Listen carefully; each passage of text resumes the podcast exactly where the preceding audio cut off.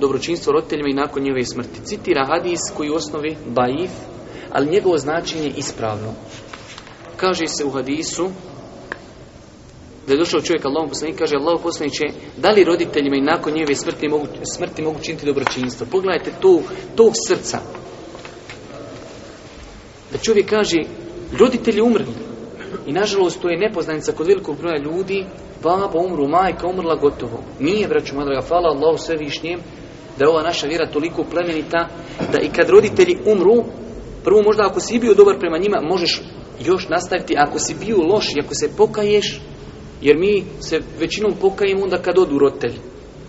Kad izgubiš roditelje, shvati šta si izgubio. Opet, hvala svevišnjim Allahu, nisu vrata zatvorena.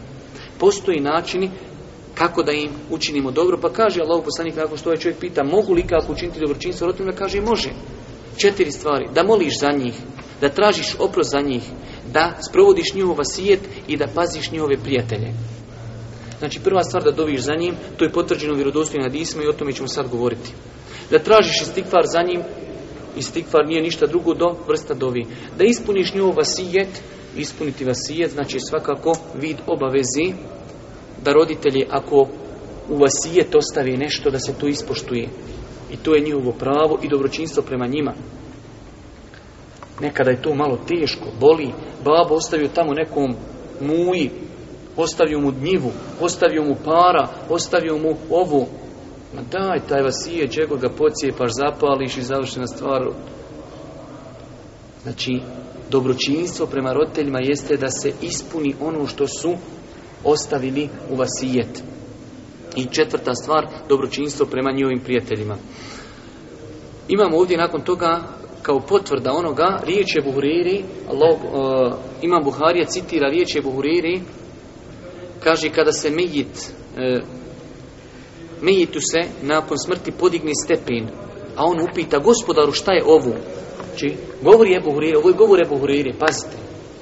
Kaže Buhuriri, desi se da Allah te tada nekom na ahiretu podigne stepen. Kaže taj rob svom gospod, gospodaru, pa dobro, šta, sa, što se meni stepeni podižu? Jer moj stepen je sudno mojim dijelima i tu sam dobio deređu. Ali povećaj im se, šta je to? Kaže, tvoje dijete moli za tebe iz tih farčini. Ali ovo su riječi Buhuriri. Inače imate zapamte jedno pravilo. Ovaj rivajec, znači ovakav više Albani za njega kaže da je dobar, vjerodostojan ashabi kada govori o ahiretu, o stvarima gajba. Ovo ne može niko od nas govoriti osim s dokazom. Zato imate pravilo kod učenjaka da kad ashab govori o ahiretu, o stvarima koje se ne mogu saznati osim kroz oba objavu, to ima statut hadisa. Jer oni ne smiju govoriti o kako će Buhurire kazat, kako će Buhurire kazat, zašto to od nas niko nije rekao? On je to rekao Allah najbolje zna zato što je to čuo od Božih poslanika.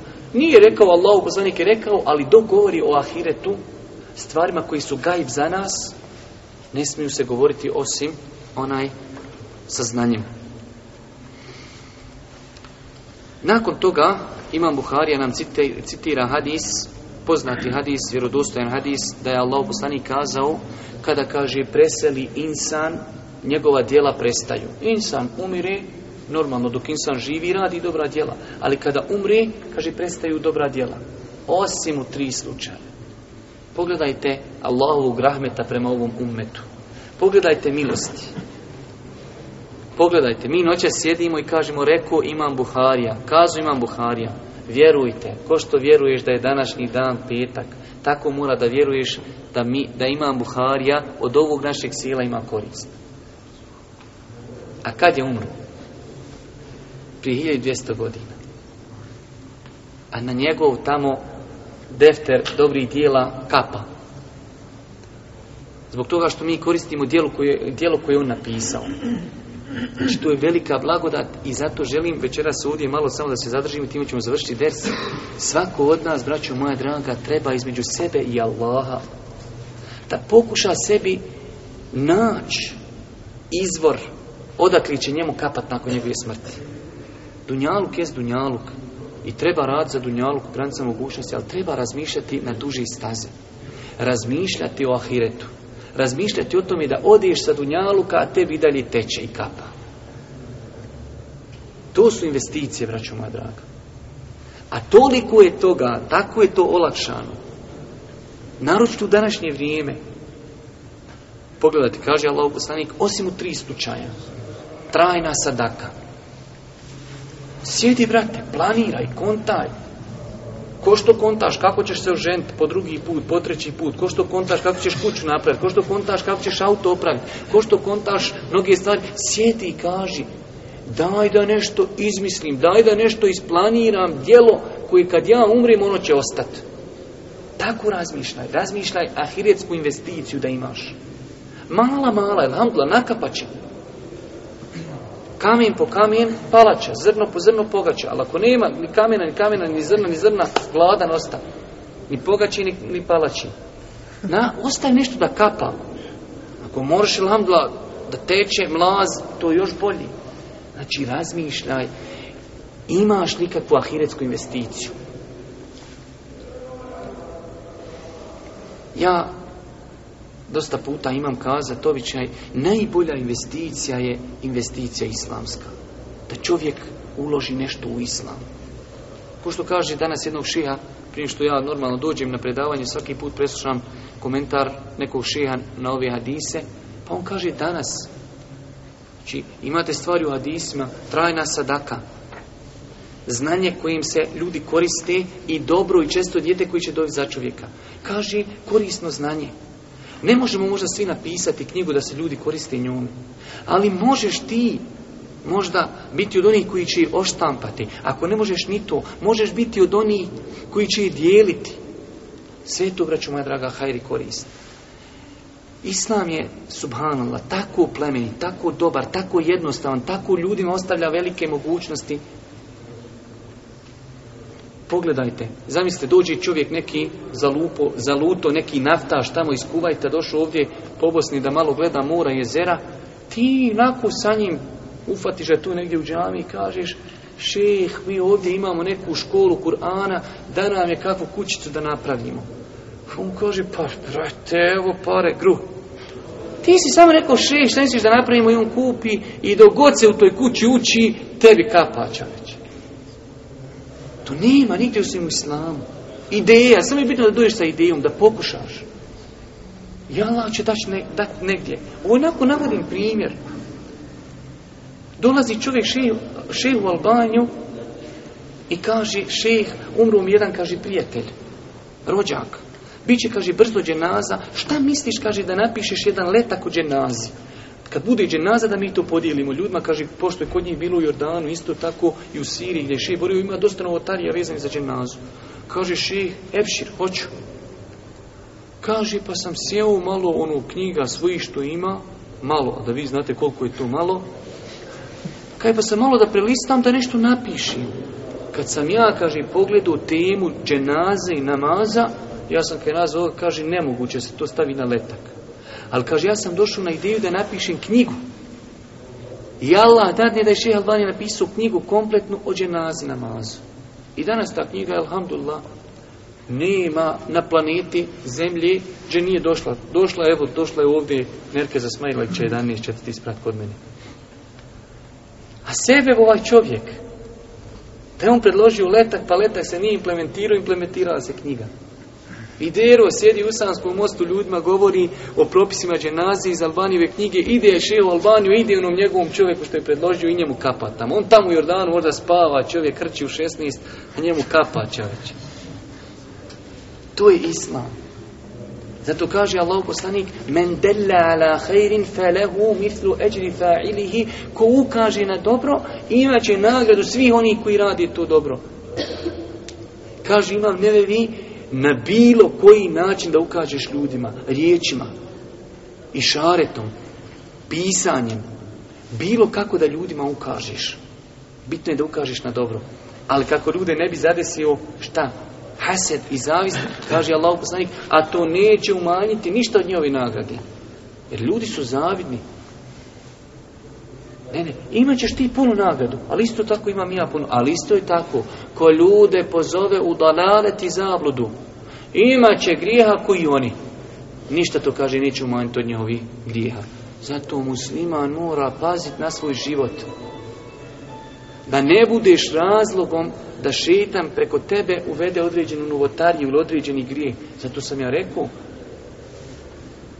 možda prva ona sestra, Allah oprosti svima nama, ali prva možda ona sestra koja je malo mahramu podvijela ovako i dole obukla farmirke i malo se našminkala, pa se poslije na nju ugledale mnoge druge, pa danas imamo većina žena takvih džabe nosi, nek zna, nek očekuje tam na sudnjem danu minusa koliko hoće. Zato morate pasiti na svoje postupke. Da ne bi ti svojim postupkom uradio kakav grije, pa ljudi kažu koliko može onaj bradonja, mogu i ja. I onda to kroz generacija tebi tamo kapa. Zato Boži poslanik kaže u na Lisu neće se na planeti desiti nijedno bespravno ubijstvo, a da neće dokle otići nazad.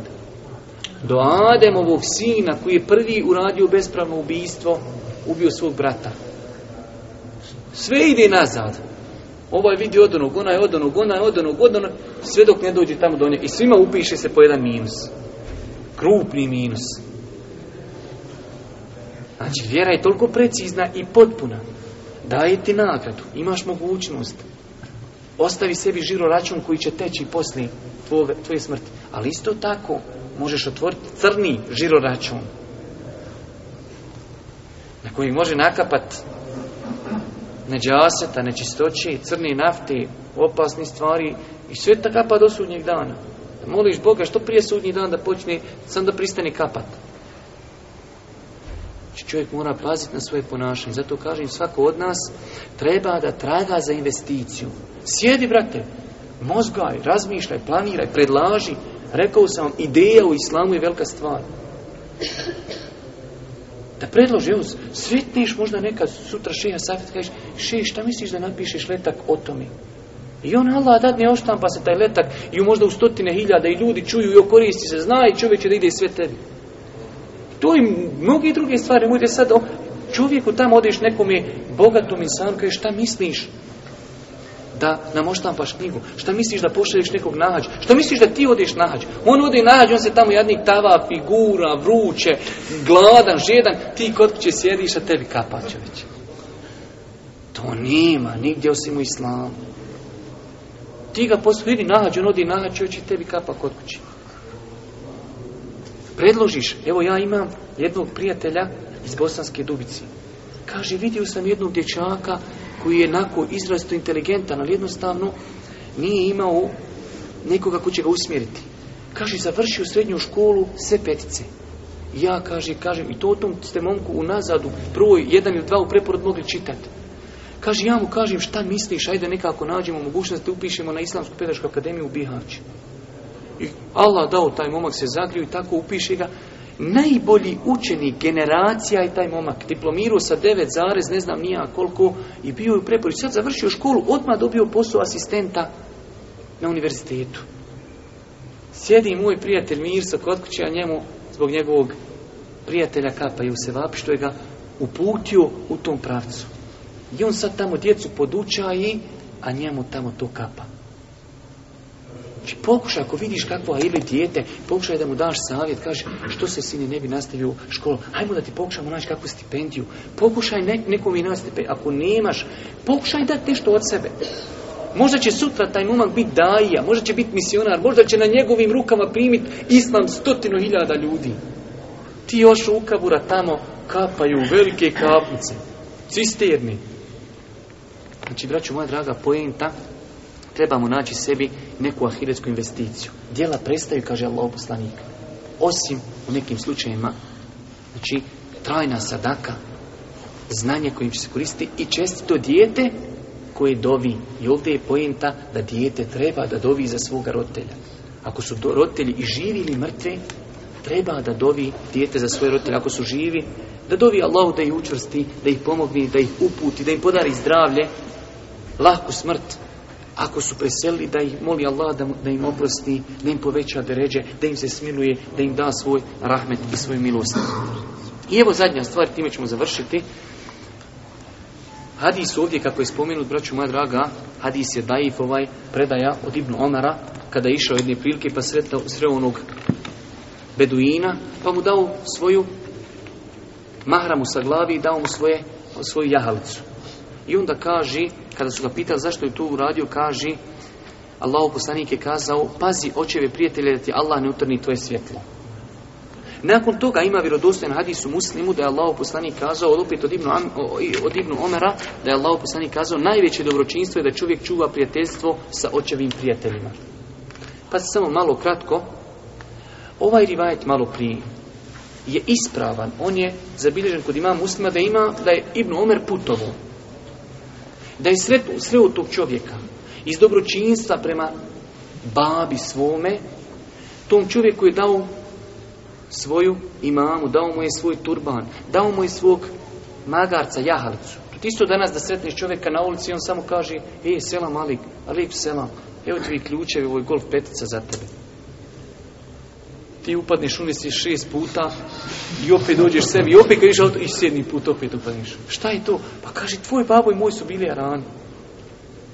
E tako, u to vrijeme da čovjeku jahalicu upusti dadiš mu svoj turban, ko danas pada kiša i najđe čovjek ti kaže, od kišu ja ću I pusti se toga, bolan.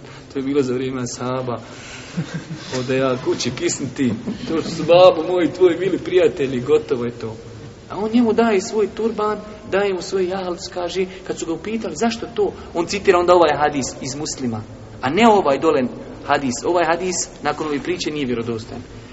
im hadiska je najveće dobročinstvo roditeljima je da paziš na njihove prijatelje nakon njihove smrti, a kaže, babo, od ovoga je bio Omerov, kaže, prijatelj. Zato sam ja to ovome i dao ljudi. Znači, jedan vid dobročinstva roditeljima jeste da čovjek pazi na onaj prijatelje svojih roditelja. Do kraja, znači Imam Buharije je spomenuo nekoliko predaja, onaj od ashaba, većina tih predaja su daif, tako da i mi nećemo ni komentarisati, ima neki koji su sahih, u svakom slučaju mi večeras završajemo ovo poglavlje dobročinstva roditeljima, odnosno zabrana e, nepokornosti roditeljima, ako Bog da od sljedećeg petka počinjemo inšala sa poglavljem čuvanje rodbinskih veza. Molim Allah subhanahu wa na kraju ovog predavanja da ono što smo čuli bude korisno za nas. Molim Allah subhanahu wa da nas učesti u putu istine. Molim Allah subhanahu wa da nam omili činjenje dobročinstva našim roditeljima. Molim ga subhanahu wa da nas i naše roditelje ujedini u džennetu kao što nas je ujedinio ovdje i molim Allah tabaraka ta'ala da pomogne našoj vraći muslimanima, muđahidima, ma bili i na kraju subhanike Allahumma bihamdike ila la ilaha illa ente wa